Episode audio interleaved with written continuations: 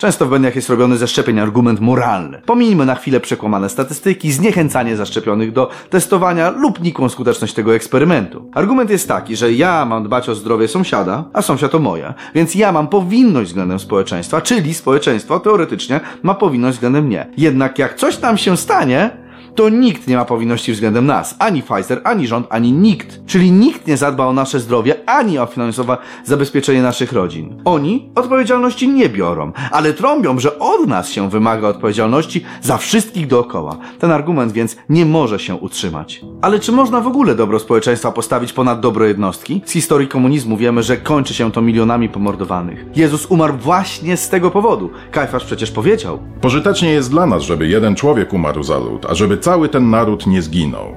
Dlatego chrześcijanie powinni stać bardzo daleko od tego typu argumentów, bo sąd już nastał i czas oddać chwałę Bogu.